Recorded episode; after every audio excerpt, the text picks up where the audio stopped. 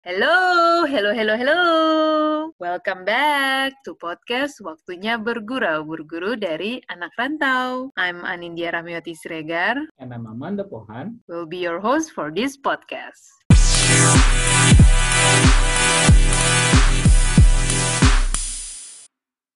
Hai teman bergurau, selamat datang kembali. Halo, halo, Ya. episode baru nih kita. Betul banget, selamat datang kembali di episode terbaru podcast Waktunya Bergurau season 3 ya nanti.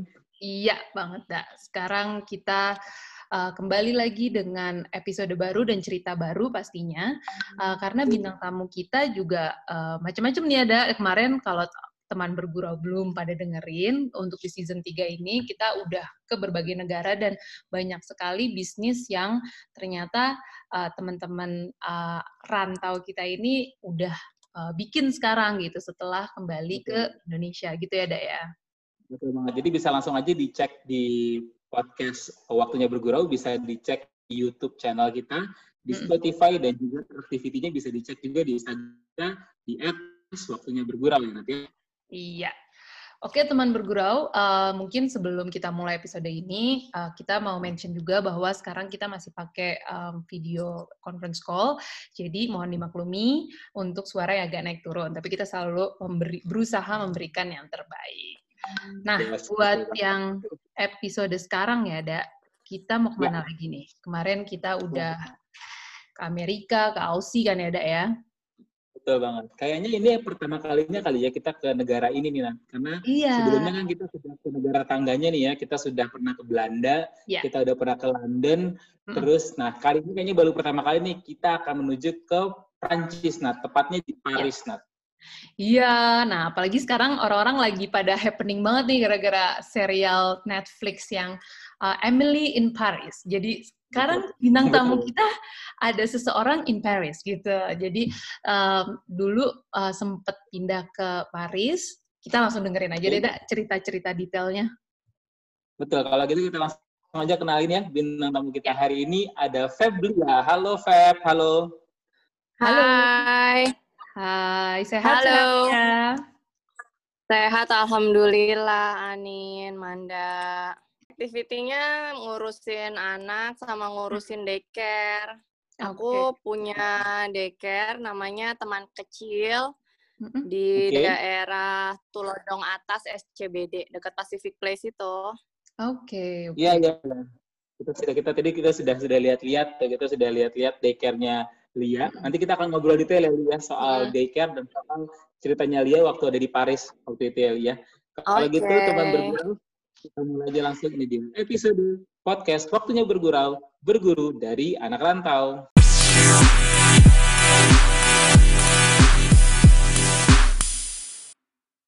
Ya, kita ngobrol aja nih, Li. Sekarang kan orang Mm-mm. pada happening nih ngebahas Emily in Paris. Sekarang uh, Pokoknya Febria in Paris.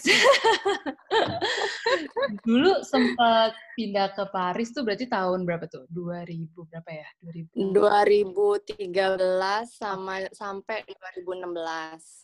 Oke, itu waktu itu itu, ngomongin Heeh. film em, apa Emily in Paris tuh aku jadi kangen juga sih sama Paris kayak ngeri Wah, berarti pas banget ya itu kita taping Itu ini lumayan otentik, lumayan otentik tuh cerit itu apa namanya eh itu menurut aku lumayan Mm-mm. lumayan bisa menggambarkan Paris. Paris banget gitu ya. Iya. Paris banget ada beberapa yang Paris banget. Tapi berarti Itu Lia ya, tuh pas pindah ke sana Hmm. ikut suami karena kerja di sana gitu ya? Iya betul. Oke oke. Eh, dan pas pindah udah ada eh, anak atau masih berdua aja tuh pas pindah ke sana? Pas aku pindah tuh anakku yang nomor satu Mm-mm. itu umur satu setengah tahun. Hmm, oke.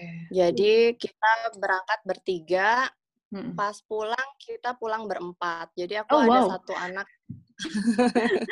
Jadi ya. aku berangkat bawa anak. Iya, aku bawa berangkat bawa anakku yang pertama umur satu setengah tahun. Pas kita pulang, anakku yang kedua umurnya satu setengah tahun juga. Oh, oke Oh, oke. Gitu. Luar biasa. Waktu, waktu gue pengen tahu sih waktu pertama kali li, waktu pertama kali suami Hmm. eh, ngajak untuk pindah ke Paris nih, Li, dengan pertimbangan bahwa hmm. sudah punya anak, terus anak juga udah mulai satu setengah tahun gitu kan. Dulu hmm. pertama kali yang dipikirin apa sih, Li? Pas pertama kali diajak, yuk kita uh, pindah ke Paris nih aku untuk kerja gitu. Aku sih seneng lah, kalau ka karena hmm. ngedengar Paris gitu kan, kayaknya, aduh iya. siapa sih yang nggak mau tinggal iya. di Paris gitu kan, iya. ngebayanginnya, hmm. wah Menara Eiffel gitu. Jadi excited excited aja sih. Nah terus pas nyampe ke sana apakah masih senang atau setelah melihat realita berubah? Uh, jadi euforianya masih sih sampai mungkin kayak uh, sebulan pertama kali ya. Setelah itu baru kayak oh iya ya seperti ini gitu. Tapi overall oke okay sih, overall oke. Okay. Cuma yeah. kan kayak kalau kita nonton film si Emily tuh, jadi mm -hmm. orang Perancis tuh kan orang par, uh, lebih tepatnya orang Parisnya sih ya. Jadi hmm. kalau orang yang di Parisnya tuh biasanya agak snob gitu kan, agak hmm. dingin gitu orangnya. Yeah. Jadi kayak kalau misalnya kita lagi vacation pergi ke London aja padahal sebenarnya kan Paris London tuh deket tapi tuh kayak ada di dua planet yang berbeda gitu loh yang bener-bener ya. orang tuh kalau di kalau di Paris tuh dia nyapa sih kayak bonjour bonjour gitu aja ya udah gitu hmm, sampai okay. itu. Tapi waktu, waktu pertama kali pindah ke sana dalam hal punya waktu yang panjang untuk pindah atau tiba-tiba harus dalam waktu singkat pindah gitu?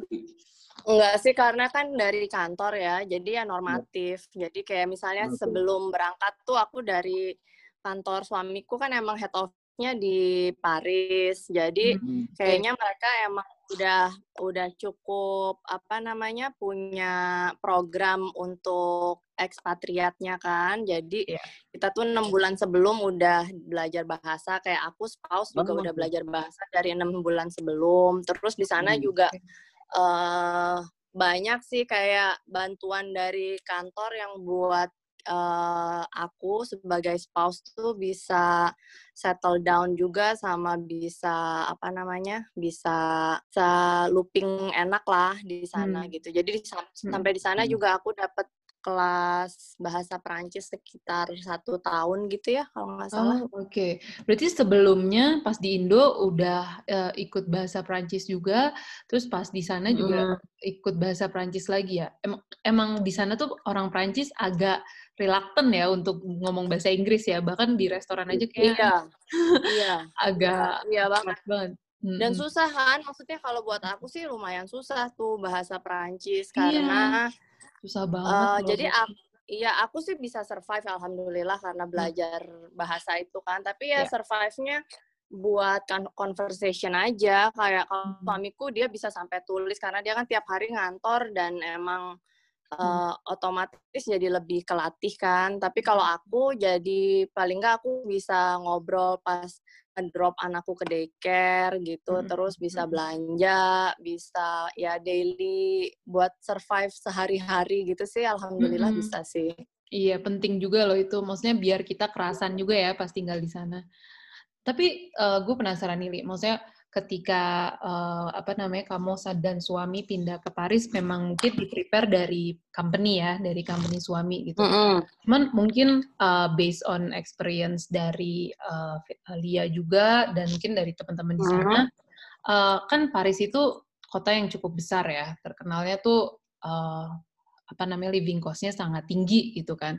Nah, mm. sebenarnya tuh uh, apakah memang seperti itu living cost di sana tuh emang tinggi banget atau sebenarnya bisa buat uh, living cost-nya tuh nggak terlalu tinggi sebenarnya. Mungkin cari tempat tinggal yang daerah-daerah tertentu, terus uh, makannya juga mungkin seperti apa gitu. Kalau dari hotel sih ya uh, dulu pas lagi aku ke sana turis emang ada berbagai macam sih ya. Jadi mesti ada pilihannya. Ada yang 100 juta semalam, ada yang 500 ribu semalam juga ya, gitu kan. Ya. Gitu. Option sih selalu ada kan option option sih selalu ada ya Nin. Tinggal hmm. kita maunya ke yang mana gitu kan. Jadi kayak misalnya kalau kalau buat yang apa namanya yang mau mau ngirit gitu sebenarnya kayak bisa Airbnb kan banyak gitu, yeah. tuh bisa murah banget. Terus metro lainnya mereka uh, juga lumayan bagus kan, jadi hmm. bisa lumayan juga tuh bisa irit gitu kalau pakai metro kan.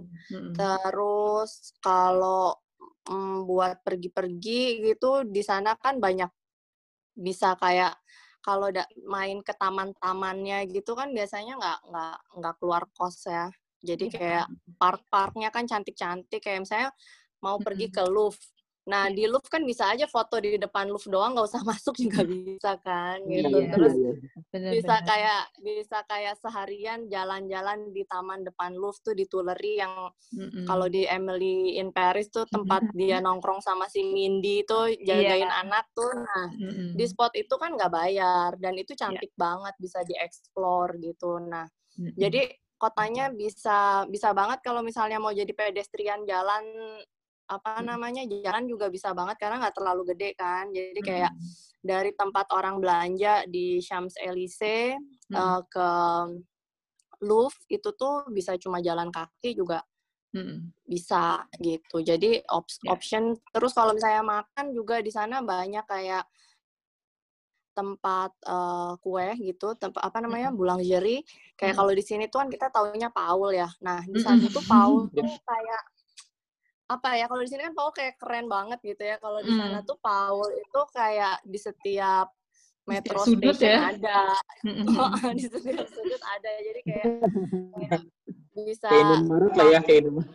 Iya benar benar ya, benar benar. Benar benar benar banget kayak Indomaret. Jadi kayak bisa bisa beli roti, bisa beli lunch yang murah gitu loh di Paul itu yeah. sebenarnya. Yeah. Jadi orang tuh kalau misalnya orang Perancisnya sendiri aku perhatiin kalau mereka makan siang ya mereka duduk di taman paling cuma beli satu sandwich sandwichnya mereka tuh kan yang pakai roti baguette itu ya pakai tradision Terus uh, jadi baget diisi macem-macem gitu kan. Biasanya mm-hmm. mereka makan itu sama salad doang, terus duduk di taman gitu. Biasanya mereka kayak gitu. Jadi mm. dan itu nggak mahal gitu loh. Yeah, Maksudnya yeah. ya affordable lah. Oke. Okay. Gitu. Oke okay, oke. Okay.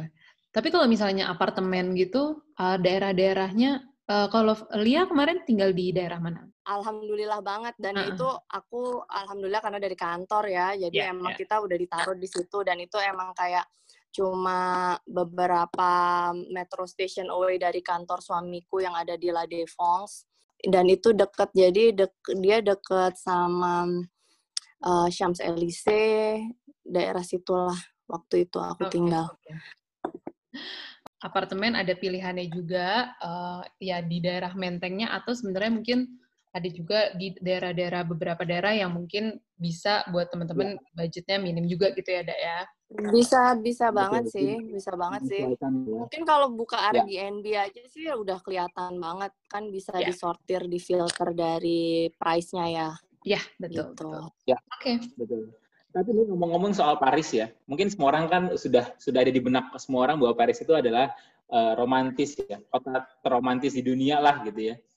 Nah, hmm. untuk um, lihat sama suami gitu ya, ada nggak sih unforgettable moment yang romantis momen kalian di Paris sehingga kayak ini harus membuat kalian Unforgettable-nya yang romantis ya? ya. Unforgettable-nya yang romantis atau yang, yang agak asam dikit nih. Gak apa deh mungkin mungkin ya jadi yang terlupakan lah entah itu romantis atau yang agak asem terserah deh. Pokoknya nggak terlupakan atau dua-duanya juga boleh ada yang asem sama iya, yang sweet gitu kan. Mungkin apa namanya kalau yang sweetnya ya um, aku sangat menikmati taman-taman itu sih. Di sana tuh bener-bener kayak di setiap daerah itu playgroundnya bagus-bagus buat anak. Jadi kayak misalnya dari rumahku aja tuh yang uh, walking distance playgroundnya playground kecilnya ya tuh ada kayak empat kayak gitu. Jadi bener-bener hmm. orang tuh emang nggak boleh diem di flatnya gitu bisa hmm. pergi-pergian. Nah kalau anakku lagi ada di daycare, hmm. biasanya aku pakai buat yang mengeksplor Paris lah. Nah salah satunya adalah uh, ngedatengin taman-taman di sana karena tamannya cantik banget masya Allah jadi iya. biasanya aku sambil jogging gitu sambil jogging sambil uh, apa namanya kayak jadi park hopper gitu kali ya. Jadi Hmm, datang dari oke. satu dari satu park ke park yang lain. Uh, mungkin kalau misalnya yang datang ke Paris tuh salah satu yang aku suka banget namanya apa namanya ada Jardin Acclimatation. Oke. Nah di Jardin Oke. Acclimatation ini uh, dek- ada tempat main anaknya, terus persis di sebelahnya ada LV Foundation, jadi tempat exhibitionnya LV. Terus kalau kita susurin terus nanti ketemu namanya Jardang Bagatel. Dan si Jardang Bagatel ini aduh cantik banget, bagus banget. Jadi kalau datang ke Paris dan nggak terlalu turis gitu ya, jadi maksudnya nggak Nggak terlalu rame gitu ya. Iya, nggak Iya. terlalu rame, nggak semua kayak turis datang ke sana gitu. Beda sama kayak kalau di Tuileries yang di seberangnya Louvre tuh kan semua turis pasti ada di sana. Iya. betul. Kalau ya kalau ke Bagatelle tuh lumayan nggak terlalu jauh juga, masih di dalam kota. Mm-mm. Tapi indah banget deh kalau misalnya buat yang ny- punya waktu di Paris lebih, Ya. Menurut aku recommended buat datang ke Bagatelle. Nah, manisnya itu sih aku sangat menikmati em, Park ya. ruang hijau di sana gitu Iya, yang iya, iya. benar-benar eh, menyenangkan. Asemnya mirip banget ya di film Emily in Paris itu. Jadi hari kedua aku nginjek pupunya Oh, Dogi sama kayak itu. itu itu asem banget sih berarti. Karena memang ada di mana-mana ya, Bo. Aduh itu bener-bener ada di mana-mana. Jadi kalau pergi ke sana mendingan lihat bawah baik-baik deh dan ah udah deh itu bener-bener deh. Banyak ranjau ya, udah kayak lagi perang. Iya banyak jauh kan kesel ya pas ngebersihinnya gitu kan. Hmm, bener. Kalau misalnya apa namanya setelah itu sih udah mulai mulai biasa. Jadi kalau jalan ya emang lihat bawah gitu nggak nggak boleh meleng gitu karena itu banyak banget karena di sana orang kan piara apa namanya senang sama anjing ya. Jadi mereka suka ngajak anjingnya jalan kayak gitu. Mm-mm. Jadi di trotoar di mana-mana tuh suka suka ada surprise-surprise kayak gitu. Terus yang paling inget lagi adalah Hmm? di dalam Paris tuh bangunannya tuh bangunan tua. Jadi Hmm. apartemen tuh kebanyakan ya bangunan tua. Kayak di film Emily itu juga. Jadi nggak ada lift di sana tuh. Jadi buat yang Iya. misalnya jadi turis atau apa ya kalau misalnya bisa ngecek hotelnya lebih baik cari yang jangan di lantai yang tinggi kayak Iya. gitu karena dia kan apa namanya Iya, iya. kalau misalnya kita bawa koper yang bener-bener segede-gede gaban gitu Hmm, Itu- PR ya. PR banget dan supir ya. taksi juga supir taksi juga nggak akan nganterin tuh koper ke atas gitu beda sama supir taksi di Iya. Jakarta ya Heeh, jadi bener. begitu ya udah turun gitu kita harus ngangkat koper sampai di atas kayak gitu. Oke oke. Luar Itu sih. biasa nih teman bergurau jadi pengen liburan ya jadi pengen ke Paris nih denger ceritanya Lia tapi ya karena lagi kondisi kayak gitu berputar ya. minat udah kayak ngebayangin Eiffel, udah ngebayangin apa Chef Elise tadi gitu kayak wow seru banget. ya. seru seru seru. Nah eh, tadi kan Lia udah cerita-cerita ada eh, park ya paling banyak yang Lia tuh sangat enjoy di sana. Kalau makanan di sana Lia enjoy juga nggak sih? Restoran-restoran. Ma eh, enak sih enak banget luar biasa sih mereka ya kalau misalnya soal makanan menurut aku ya karena kayak kalau aku lagi kesel sama orang sama enggak lah enggak sama orang Perancis ya sorry. Sama pokoknya kalau kalau lagi agak bad mood gitu Heeh. agak drop Heeh. masuk aja ke toko roti. Itu tuh udah kayak heaven banget deh. Bener-bener bentuknya tuh cantik banget terus udah gitu em, mereka kan suka ngejual cake-cake yang kecil gitu kan nah Iya. itu tuh mereka bener-bener niat banget ya bikinnya tuh bisa bener-bener precise, bisa bener-bener cantik dan enak sih menurut aku eh, toko-toko tinggal masuk ke toko roti dan random aja masuk ke mana aja tuh rasanya enak banget. Beda banget begitu keluar Paris atau keluar Perancis kalau kita beli makan rot makan kue-kuehan atau makan croissant gitu Mm-mm. eh, menurut aku sih beda ya. Yang di Paris tuh entah apanya yang mereka punya beda, tapi enak banget. rasanya. Tapi ada Oh, nggak sih restoran restoran. atau ya mungkin em, toko roti juga eh, bakery yang mana Lia tuh favorit banget selama di sana gitu. Tiga tahun tuh kayak Kalau bakery harus ya, deh gitu. Kalau bakery ya itu tuh bener-bener semua bakery yang ada di sana menurut aku enak. Oke. Bener-bener beda apa ya? eh, kalau kita tapi kalau begitu kita keluar dari Paris itu Hmm. beli bakery di pinggir jalan ya rasanya agak beda. Tapi kalau di sana tuh entah kenapa tuh bisa seragam dan enak banget. Cuma Hmm. kalau Bener-bener misalnya enak mau cari sesuatu restoran yang bener-bener mau didatengin pas lagi Hmm. visit, Iya. aku sih akan kasih yang aku suka banget tuh aku Hmm. seneng waktu itu pergi agak pricey sih nih. Mhm. aku pergi ke Crystal Room Bakara.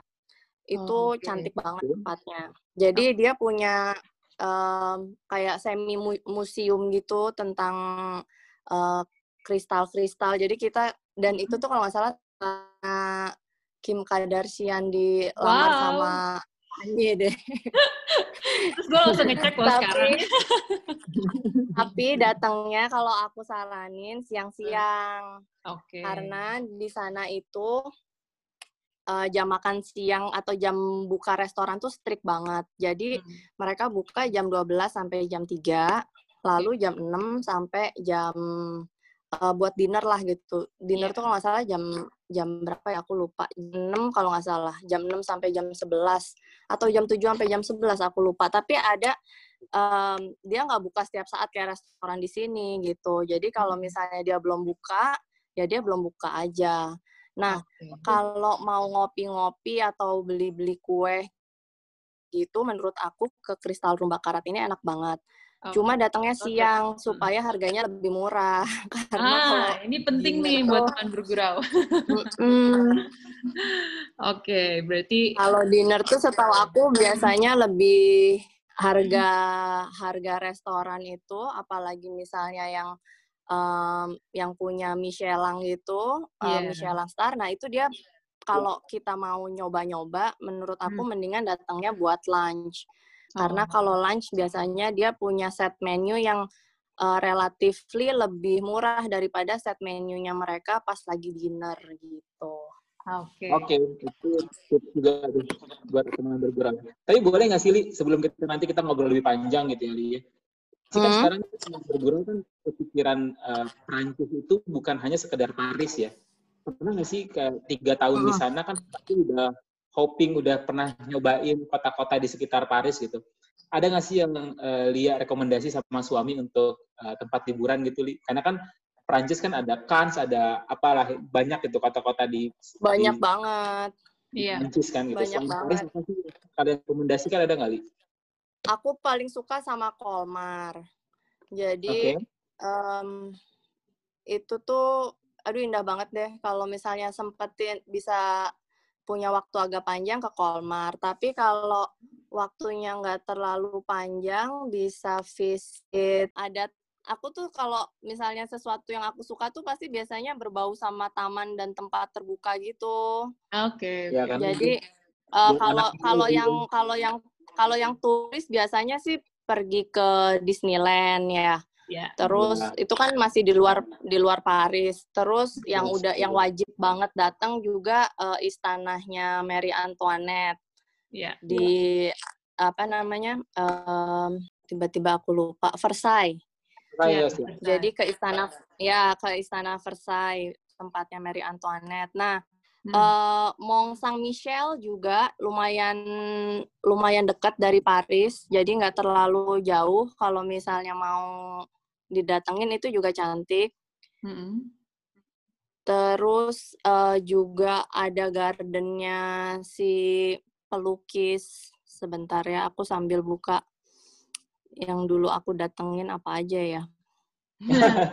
Gak apa-apa, gak apa-apa. Jadi, Gar oh, gardennya Monet. oh, oke. Gardennya Monet. Jadi tempatnya Claude Monet dia punya inspirasi ngegambar eh, apa namanya eh, taman air tuh. Nah itu tuh ada gardennya. Itu cantik banget juga. Dan itu nggak nggak terlalu jauh dari Paris. Jadi bisa Paris, kayak Oke. nyewa mobil terus bisa bisa pergi gitu. Kalau yang kalau yang jauh ya ke Kolmar, terus Ya. ke ke Chamonix, kalau mau ke puncak Alpen. Oke. Itu sih. Wow. Jadi Luar banyak biasa. langsung aja dijadiin bucket list-nya ya buat teman bergurau yang mau liburan nanti kita siap-siap ke Prancis ya nanti. Iya dong, tapi tentu saja sekarang ya kita di rumah aja, tapi kita bikin aja dulu list-listnya kan dari semua yang tadi Lia udah Betul. sebutin. Yes. Oke. Sama biasanya sih aku juga seneng banget ini sih Chateau Hopper. Jadi aku biasanya Hmm. browsing eh, cari chateau gitu. Ada Hmm. juga beberapa kayak chateau yang sekarang tuh udah dialih fungsiin jadi hotel. Hmm, Jadi kita bener-bener kayak tinggal di tinggal di sesuatu apa namanya kita booking hotel yang ada di dalam chateau gitu itu juga Ya. menarik sih, menyenangkan juga dan mereka punya park bagus kayak gitu. Jadi kalau misalnya eh apa namanya? Kalau misalnya salah satu alternatifnya tinggal buka Google terus tulis aja misalnya Chateau Chateau near Paris atau Chateau must visit in Paris in French kayak gitu. Nanti biasanya dia akan keluar gitu nama-nama chateau yang yang Oke. Visit ya. yang recommended buat di visit gitu. Oke, ya itu Langsung. luar biasa banget sih buat jadi pengalaman tersendiri eh, apa namanya nginep di Prancis. Oke Lia, tadi kan kita udah banyak ngobrol ya tentang eh, liburan gitu di Paris. Nah, eh, let's get back to reality. Ketika Lia pindah ke sana kan sama anak nih ya, eh, satu Mm-mm. tahun lagi.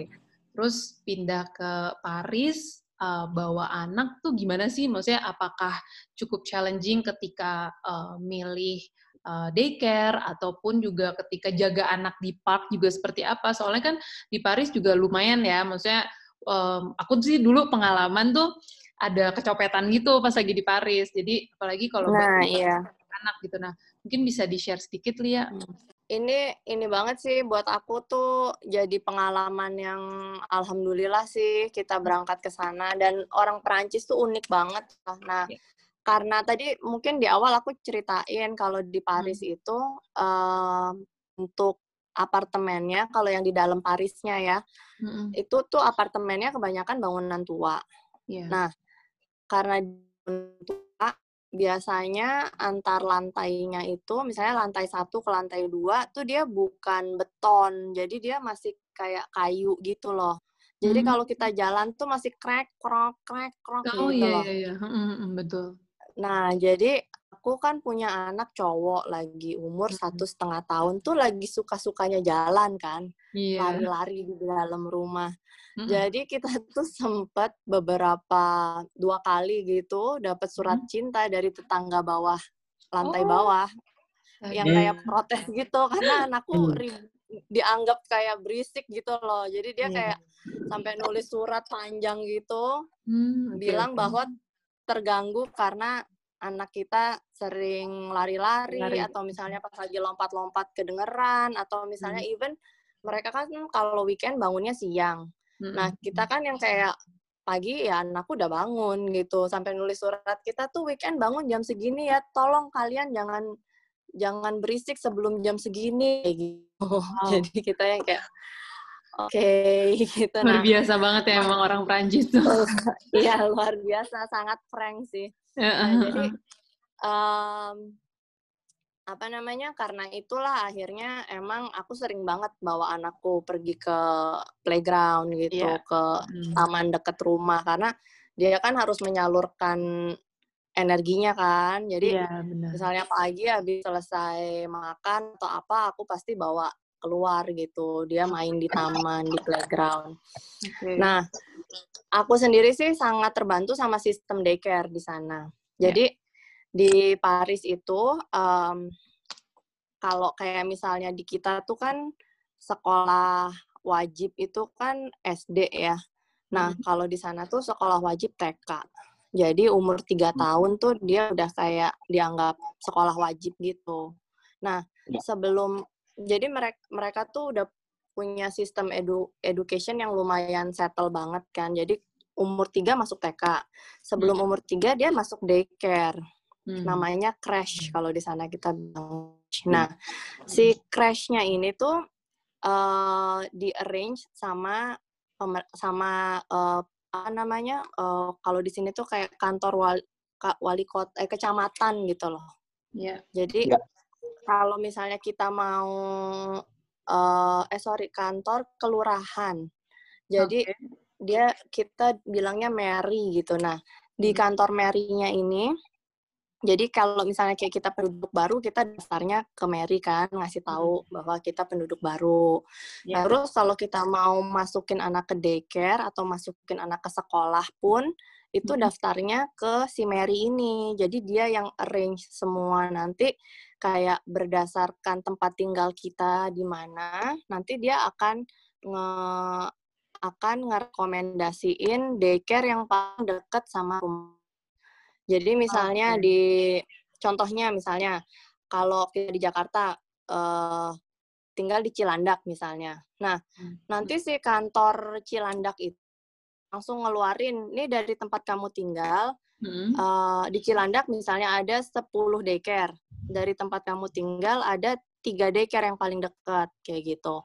Nah, hmm. jadi kita nama kita udah list down tiga ketiga daycare ini. Begitupun sekolah. Jadi kayak kalau hmm. sekarang sistem zonasi gitu kali ya. Iya, sama kayak sistem zonasi kita ya berarti ya. Nah, iya mirip sama sistem zonasi kita. Tapi dia oh. mereka itu udah udah ngatur dari mulai daycare.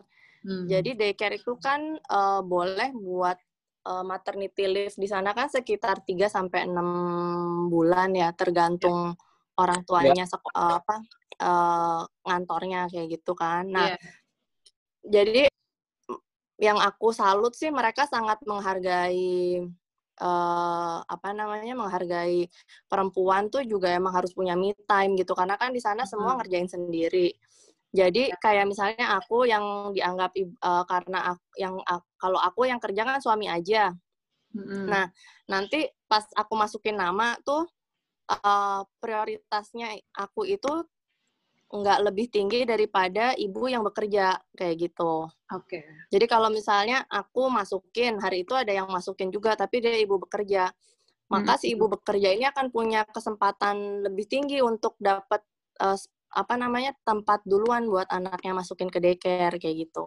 Okay. Dan kalau misalnya kayak aku yang ibu uh, tidak bekerja, aku bisa hmm. naruh anakku di daycare itu maksimal dua setengah hari per hmm. minggu.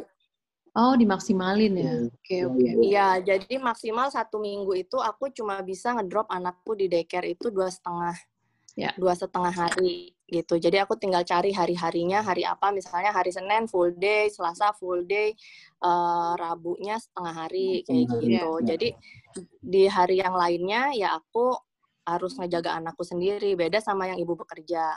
Okay. Jadi kayak ada sistem prioritas gitu. Jadi daycare yeah. di iya. sana ada yang private sama ada yang uh, di arrange sama uh, pemerintah. Nah, kalau yang kalau yang private itu justru lebih lebih nggak nggak sebagus yang kalau di sini sekolah swasta sekolah negeri gitu kali ya. Nah, hmm. kalau di sana yeah. tuh jadi kalau di sana tuh justru kalau di sini kan biasanya sekolah swasta lebih bagus ya kalau yeah. bisa dibilang gitu. Mm-hmm. Nah kalau di sana kebalikan, jadi kalau misalnya kita uh, ngomongin tentang daycare, kalau daycare yang yang di arrange sama pemerintah itu lebih bagus justru daripada yang private. Yang hmm.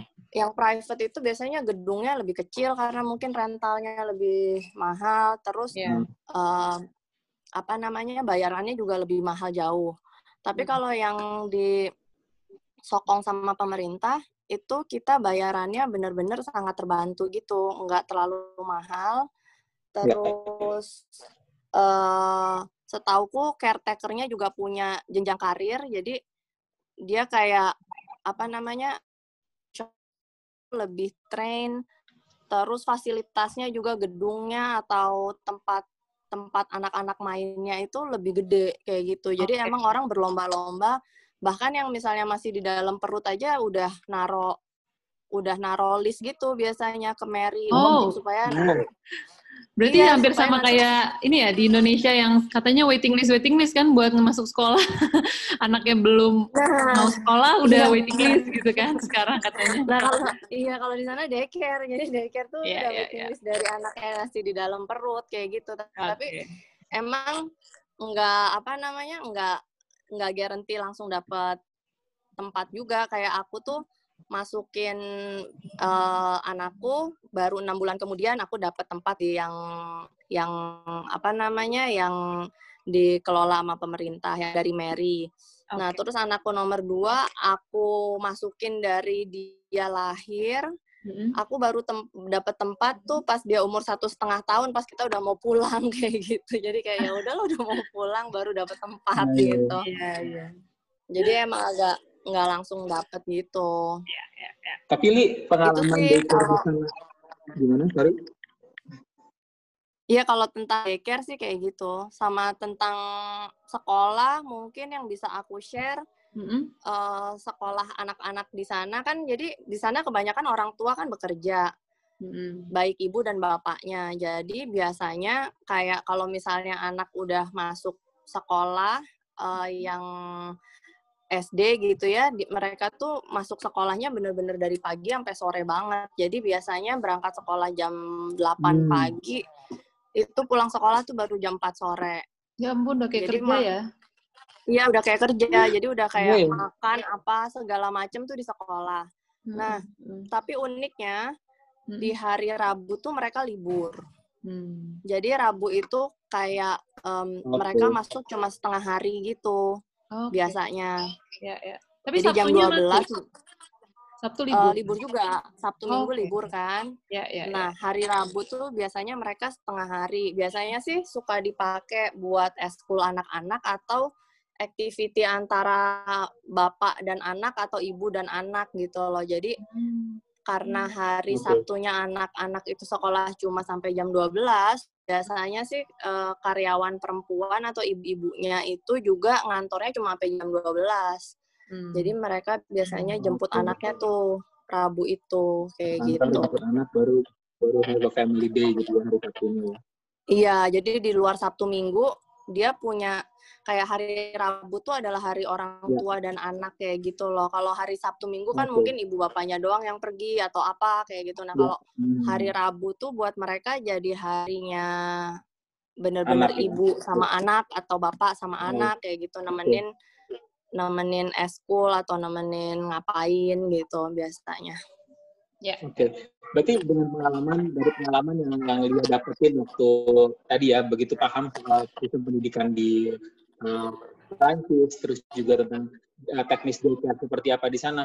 Itu yang membuat uh, seorang Feblia sekarang ini membentuk satu Montessori daycare gitu di Jakarta dengan pengalaman dari situ atau kami dari awal udah concern banget ya sama kependidikan anak sih?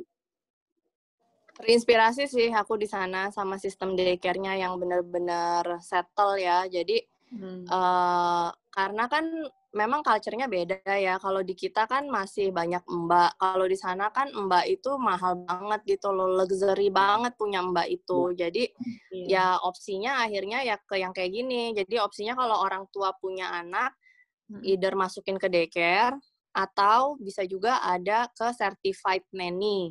Hmm. Jadi, nah certified nanny sih aku nggak tahu ya di Jakarta kayaknya belum ada deh sistem kayak gitu. Jadi ada nanny hmm. atau orang gitu yang dia udah uh, udah certified, namanya terdaftar di kantor uh, Mary itu. Yeah. Terus uh, biasanya nanti ibu-ibu kerja itu ngedropinnya ke rumah dia. Nah, tapi oh. nanti dia biasanya se sehari eh uh, satu neni itu biasanya dia maksimal kayak tiga apa enam empat anak gitu loh. Jadi emang pekerjaannya dia jadi neni gitu ngasuh.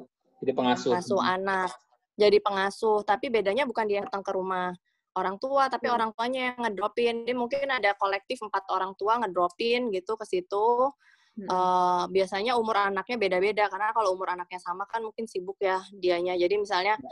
ada yang umur uh, bayi terus ada yang ya. umur dua ada yang umur tiga kayak gitu jadi uh, biasanya umurnya beda-beda nah kalau misalnya jadi antara opsinya itu tuh biasanya antara daycare atau si neni itu hmm. atau neni yang private yang kalau misalnya orang yang udah lumayan punya ini sih ya punya budget ya dia akhirnya sewanya yang neni yang private tapi itu lumayan uh, lumayan mahal sih. Jadi biasanya orang pilih antara yang certified nanny itu atau daycare kayak gitu. Nah ini tuh emang yang membuat aku terinspirasi sih karena uh, anakku happy banget di daycare di sana. Jadi okay. dia apa namanya um, menyenangkan lah apa an, apa namanya bisa main gitu kan.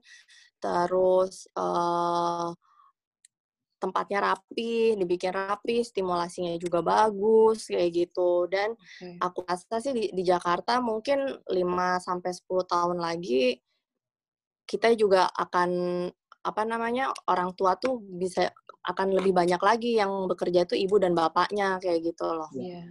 Jadi uh, mungkin daycare akan sangat uh, membantu untuk mensupport keluarga-keluarga muda ya yang punya anak-anak kecil saya menarik sih. Tadi kan uh, gue sempat cerita bahwa uh, akan memprediksi 5 sampai 10 tahun ke depan si daycare ini akan akan akan akan akan ada di peaknya lah gitu. Di saat keluarga yeah. muda mungkin kayak ibunya bekerja gitu kan.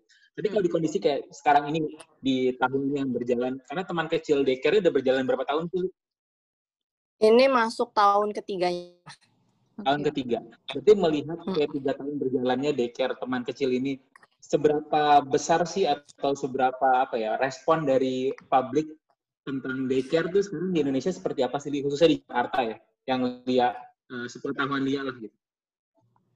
Uh, menurut aku sih responnya positif ya karena kan orang tua makin banyak yang ibu dan bapaknya bekerja terus juga banyak yang sekarang nggak um, mau ribet sama drama-dramanya Mbak tuh kan. Jadi hmm. uh, beberapa parent iya betul kan kalau kan Mbak tuh kan ada kadang-kadang dia mau pulang-pulang hmm. datangnya entah kapan gitu iya. kan.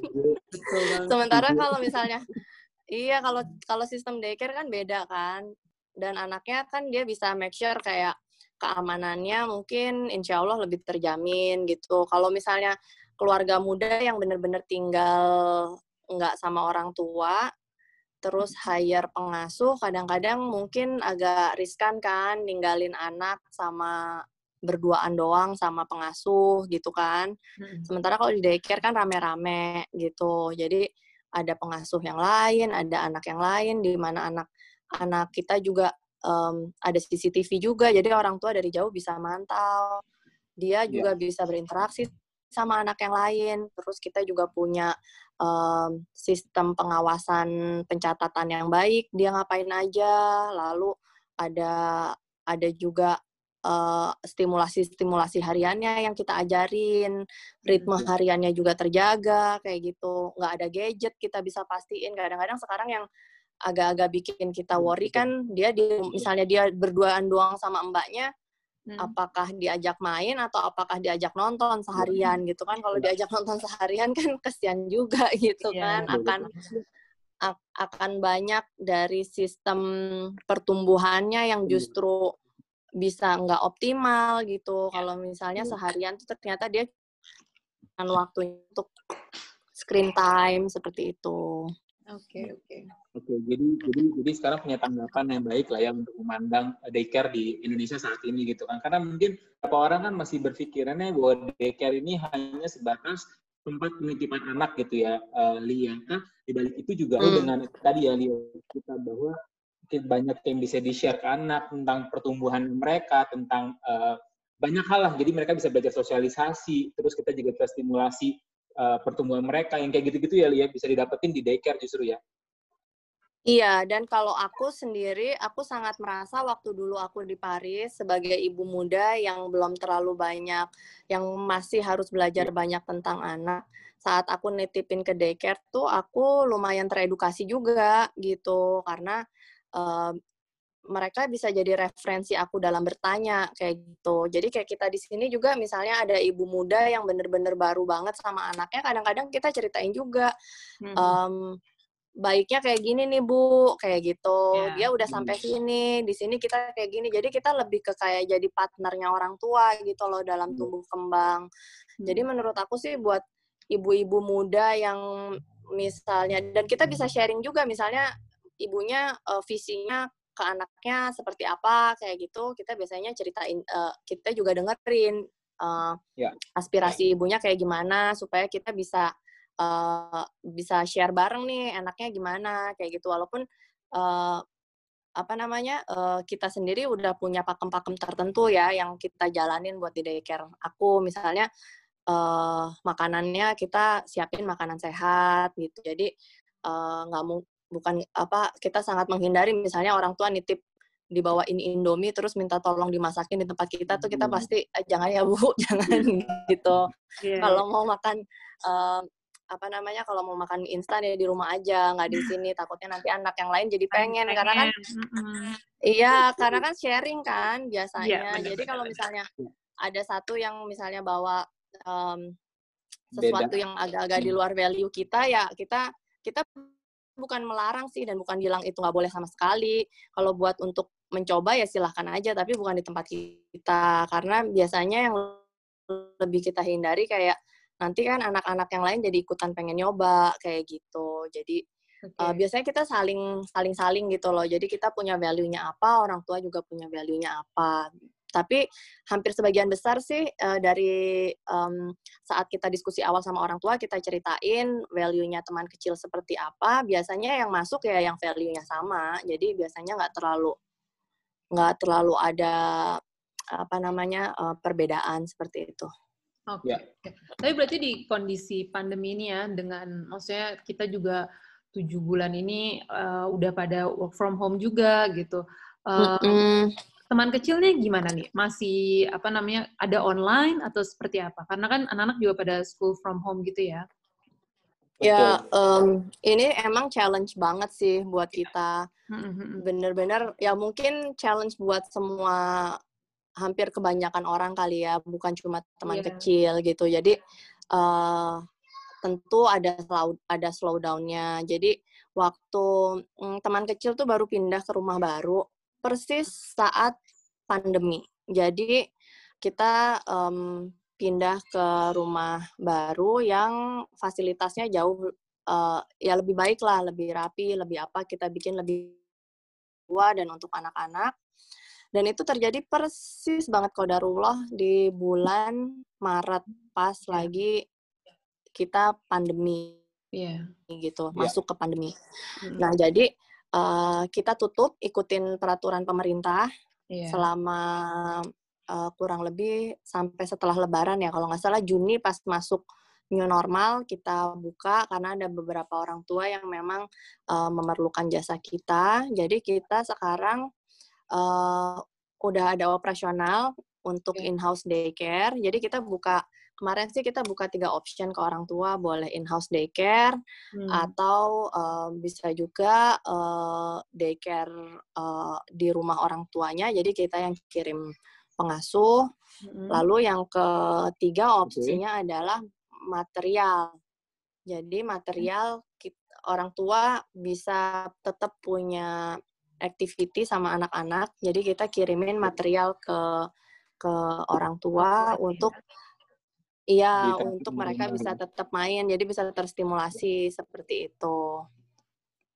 Oke, okay, oke. Okay. Itu sih opsi-opsinya yang sekarang.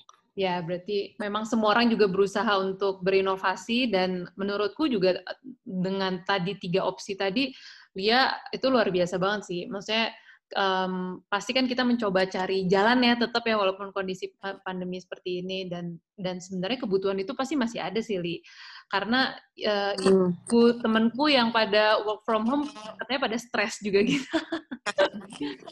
Iya. iya tentu kan, maksudnya kebayang kan 24 jam iya. diem di rumah, maksudnya um, ngurus semuanya gitu. Kalau jadi ibu kan dia berarti ngurusin kerjaannya juga ngurusin sekolah anak-anak juga ngurusin rumah tangga juga. Jadi kebayangkan stres levelnya seperti apa. Jadi akhirnya kita kasih opsi kalau memang perlu untuk uh, kita bantu kita bisa kirim pengasuh kita yang datang ke rumah orang tua. Tapi kalau sekarang sih yang opsi itu cuma buat member ya. Jadi bu hmm. uh, yang yang apa namanya yang yang baru tuh kita belum buka karena kan belum apa namanya uh, ya mungkin kalau misalnya ada ya kita punya protokol kesehatan sih sekarang jadi bener-bener yang mau masuk itu uh, dua-duanya buat pengasuh mm-hmm. orang tua dan anak kita minta ada tes kayak gitu okay. jadi okay. Uh, kita, ya jadi kita sama-sama sama-sama menjaga seperti yeah. itu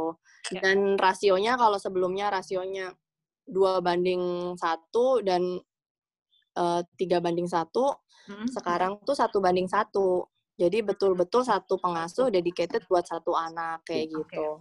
Oke. Okay. Untuk meminang. Mem, mm Oke nih buat ibu-ibu teman bergurau juga nih pastinya ya siapa tahu yang lagi mencari solusi daripada stres langsung cek aja ke teman kecil ya Lia ya. Iya, betul. Oke, oke, oke. Sebelum kita tutup kita tutup episode ini kali karena banyak banget nih kayak perbincangan kita juga udah mulai panjang nih untuk episode kali ini hmm. sama Lia gitu ya. Sebelum kita tutup ini, Li, mungkin ada nggak sih yang mau di-share sama Lia atau ada yang mau disampaikan sama Lia sama ibu-ibu uh, yang saat ini tadi cerita kalian gitu ya, ibu-ibu bekerja yang saat ini sedang uh, eh, WFH gitu ya, sedang menghabiskan banyak waktu sama anaknya gitu ya. Dari pandang seorang Lia, ada nggak sih tips gimana caranya supaya dengan dengan activity yang mereka lakukan ini membuat tumbuh kembang anaknya juga bisa terstimulasi dengan baik gitu. Karena kan tadi kan di kondisi sekarang ini pasti ada jenuhnya, ada stresnya. Gimana sih ada masukan nggak sih, Li? Gimana cara ngadepin uh, ini semua gitu? Menurut aku sih buat buat um, kita yang percaya sama Tuhan ya sama Allah kan semua ya. ini udah udah udah dicatatkan. Jadi udah udah dari dari mungkin udah ditakdirin dari sekian dari zaman dulu tuh udah akan udah Allah tuh udah udah tulis bahwa tahun 2020 ini ya akan ada Covid gitu. Cuma tinggal kita aja cari hikmah dari Covid ini. Kalau buat aku sih uh, memang awalnya pasti berat gitu ya, tapi sesuatu yang berat itu kalau kita bisa men-stretch badan kita men-stretch pikiran kita, hati kita, jiwa kita ya itu jadi gak jadi lebih ringan. Dan um, kalau untuk parenting hmm. apa pun juga apalagi kalau misalnya buat teman kecil gitu ya uh, marketnya teman kecil yang di bawah empat tahun buat kita menghasilkan anak-anak yang kita pengenin misalnya kita berharap anak kita mandiri um, apa kreatif uh, nggak screen time dan lain-lain ya memang kita harus kitanya sih orang tuanya. Jadi orang tua harus mengedukasi dirinya sendiri untuk bisa disalurkan ke anak-anak. Jadi memang cari sumber-sumber inspiratif yang bisa menjadi inspirasi gitu mengeduka mengedukasi diri sendiri uh, sehingga kita juga pas kita transfer ke anak itu jadi sesuatu yang fresh gitu. Karena menurut saya sih dengan sekarang ada banyak sosial media um, itu tuh bisa didapetin gampang banget gitu loh ide-ide iya. itu. Bisa buka YouTube, dengerin Zoominar juga banyak banget sekarang kan, Zoominar parenting yang yang apa namanya yang ini ngobrol lewat podcast tuh sebetulnya banyak banget ilmunya yang bisa yang bisa kita orang tua ambil. Cuma tinggal gimana mengalokasikan waktunya supaya anak juga nggak ngelihat bahwa ibunya tuh stuck di depan screen gitu. Kalau misalnya ibunya screen time terus ya anak juga bakalan pikir ya udah aku juga screen time aja nonton YouTube juga menyenangkan ya. gitu kan. Ya, betul. Jadi, Jadi kayak apa gitu ya ngeliat ibunya screen time terus ya menurut mereka ya udah ini normal thing gue ya gue lakuin nggak apa-apa gitu kan ya kali ya. Iya gitu. Jadi kalau buat anak di bawah tujuh tahun itu ya apa pun itu ya emang harus ada role modeling dari orang tuanya gitu. Jadi kalau kita mau anak kita mandiri ya kitanya juga harus mandiri. Mereka harus ngelihat kita benah-benah kamar, mereka harus ngelihat kita ngerapiin sesuatu gitu, melakukan uh, life skill yang ada di rumah kayak gitu misalnya nyuci piring atau apa gitu atau something yang emang uh, kita harus kerjain kayak gitu. Ya. Kalau misalnya kita mau anak kita kreatif, ya di depan mereka misalnya kita ngegambar sesuatu gitu, doodling something, coloring, nanti mereka akan ikut sendiri gitu. Instead of misalnya kita nyuruh-nyuruh. Kalau kita nyuruh-nyuruh tuh biasanya mereka agak-agak ya normal lah. Kita juga orang orang dewasa kan disuruh kurang suka ya. Tapi iya, kalau misalnya kalau misalnya kita di depan anak misalnya kita mau anak kita suka baca ya udah kita sering-sering aja bawa buku sama baca sesuatu di depan dia gitu mau kita iya. bacain buat dia atau kita baca buat diri kita sendiri kalau mau kalau kita mau anak kita kreatif misalnya kita pengen dia bisa main eh, bisa ngegambar ya kita sering-sering ngegambar di depan dia Okay. Kalau kita mau dia pintar main piano, ya kita sering-sering misalnya main piano di depan dia. Menurut aku itu sih. Ya, ya. Jadi jadi teman bergurau mungkin jadi seorang orang tua gitu yang saat ini anaknya masih di usia tumbuh kembang tadi justru waktu yang lagi banyak bisa bersama-sama ini bisa kita manfaatin maksimal untuk jadi role model yang baik buat mereka dan mengajarkan banyak hal untuk mereka gitu kali ya. Iya, betul. Betul, betul. Oke. Okay. Betul, karena akan jadi unforgettable juga sih buat mereka hmm. gitu loh. Iya, betul, betul. Iya, benar. Nggak akan, mereka ya, insya Allah nggak akan dua kali ya, tapi iya, mungkin... Insya Allah nggak akan dua kali. Insya Allah nih kita hmm. nih adalah bagian dari sejarah gitu loh. Iya, kita, mungkin yes. anak kita yang udah ngerasain, misalnya anakku yang besar sekarang umur 7 atau 8 tahun gitu, mungkin dia akan cerita gitu nanti ke anaknya atau ke cucunya bahwa dulu tuh saya pernah loh ngelewatin masa-masa pandemi dan yang terjadi di rumah seperti ini gitu. Jadi kalau misalnya dan anak tuh kan inget ya, kayak kayak saya sendiri saya inget sama masa kecil saya apa yang dilakuin orang tua saya untuk saya tuh inget banget gitu loh di ya. kepala saya baik yang baik dan yang kadang-kadang agak-agak um, agak-agak tegas gitu ya. ya. Jadi anak juga akan sangat uh, jangan salah gitu loh anak tuh akan sangat mengingat memori yang kita tanamkan sekarang buat mereka gitu loh. Jadi apa yang kita kerjain sekarang tuh mereka akan sangat mengingatnya gitu. Jadi ya bisa bisa mungkin bikin orang tua juga pasti mungkin kangen juga nanti begitu udah normal kayak biasa mungkin kangen juga di masa-masa kayak gini gitu. Jadi dimanfaatin aja sebaik-baiknya gitu ya Lia. Iya iya iya. Kurang lebih okay. seperti itu Oke, luar biasa nih. Uh, kita dapat tips parenting juga ya dari Lia ya, Dak ya. Mungkin buat Almanda Pohan. Ada yang parenting. Iya, benar-benar. Kalau aku note dulu, ya, nanti kalau misalnya aku sudah merit nanti langsung aku bisa menghubungi Lia ya. Oke, okay, mungkin sebelum satu lagi pertanyaan Nili, karena emang Paris itu apa ya, gue bisa bilang kota yang sangat gue cintai juga, karena kan emang balik lagi kita ke Paris ya. Iya, kembali ke Parisnya lagi nih ya. Uh, uh. Dari sisi uh, restoran, dari sisi uh, apa namanya tempat-tempat turisnya, itu kan luar biasa banget nih di Paris nih. Sebenarnya satu hal aja buat menutup nih ya, apalagi cewek-cewek nih, buat teman bergurau yang cewek-cewek pasti oh, pengen banget. Iya, dapat satu tips tentang shopping di Paris. Karena kan nggak mungkin orang tuh ke Paris nggak shopping, Li, ya kan? Iya, surga banget. Banget, banget. Banget beda harganya kan. Iya, dibandingin sama yang di Indonesia, di Singapura itu kayak bedanya tuh lumayan banget gitu kan. Nah, mungkin Lia punya tips buat uh, teman bergerak um, buat belanja di Paris tuh tempat-tempatnya di mana atau mungkin ya tips shopping aja selama di sana tuh apa gitu li bisa di share? Hmm. Kalau niatnya datang ke sana emang beneran buat belanja, mm saran aku bookingnya di bulan Januari dan bulan Juli. Karena oh, bulan Januari itu kan um, summer sale ya. Eh sorry uh, winter, winter sale, sale. Mm-hmm. winter sale. Nah, yang bulan Juli itu summer sale-nya. Dan yeah. itu tuh bener-bener apa namanya mereka tuh pas pasti sale gitu loh. Kayak udah mm-hmm. Udah pasti sale jadi nggak mungkin nggak sale dan semuanya Wah, ini tuh penting nih penting. Oke. Okay.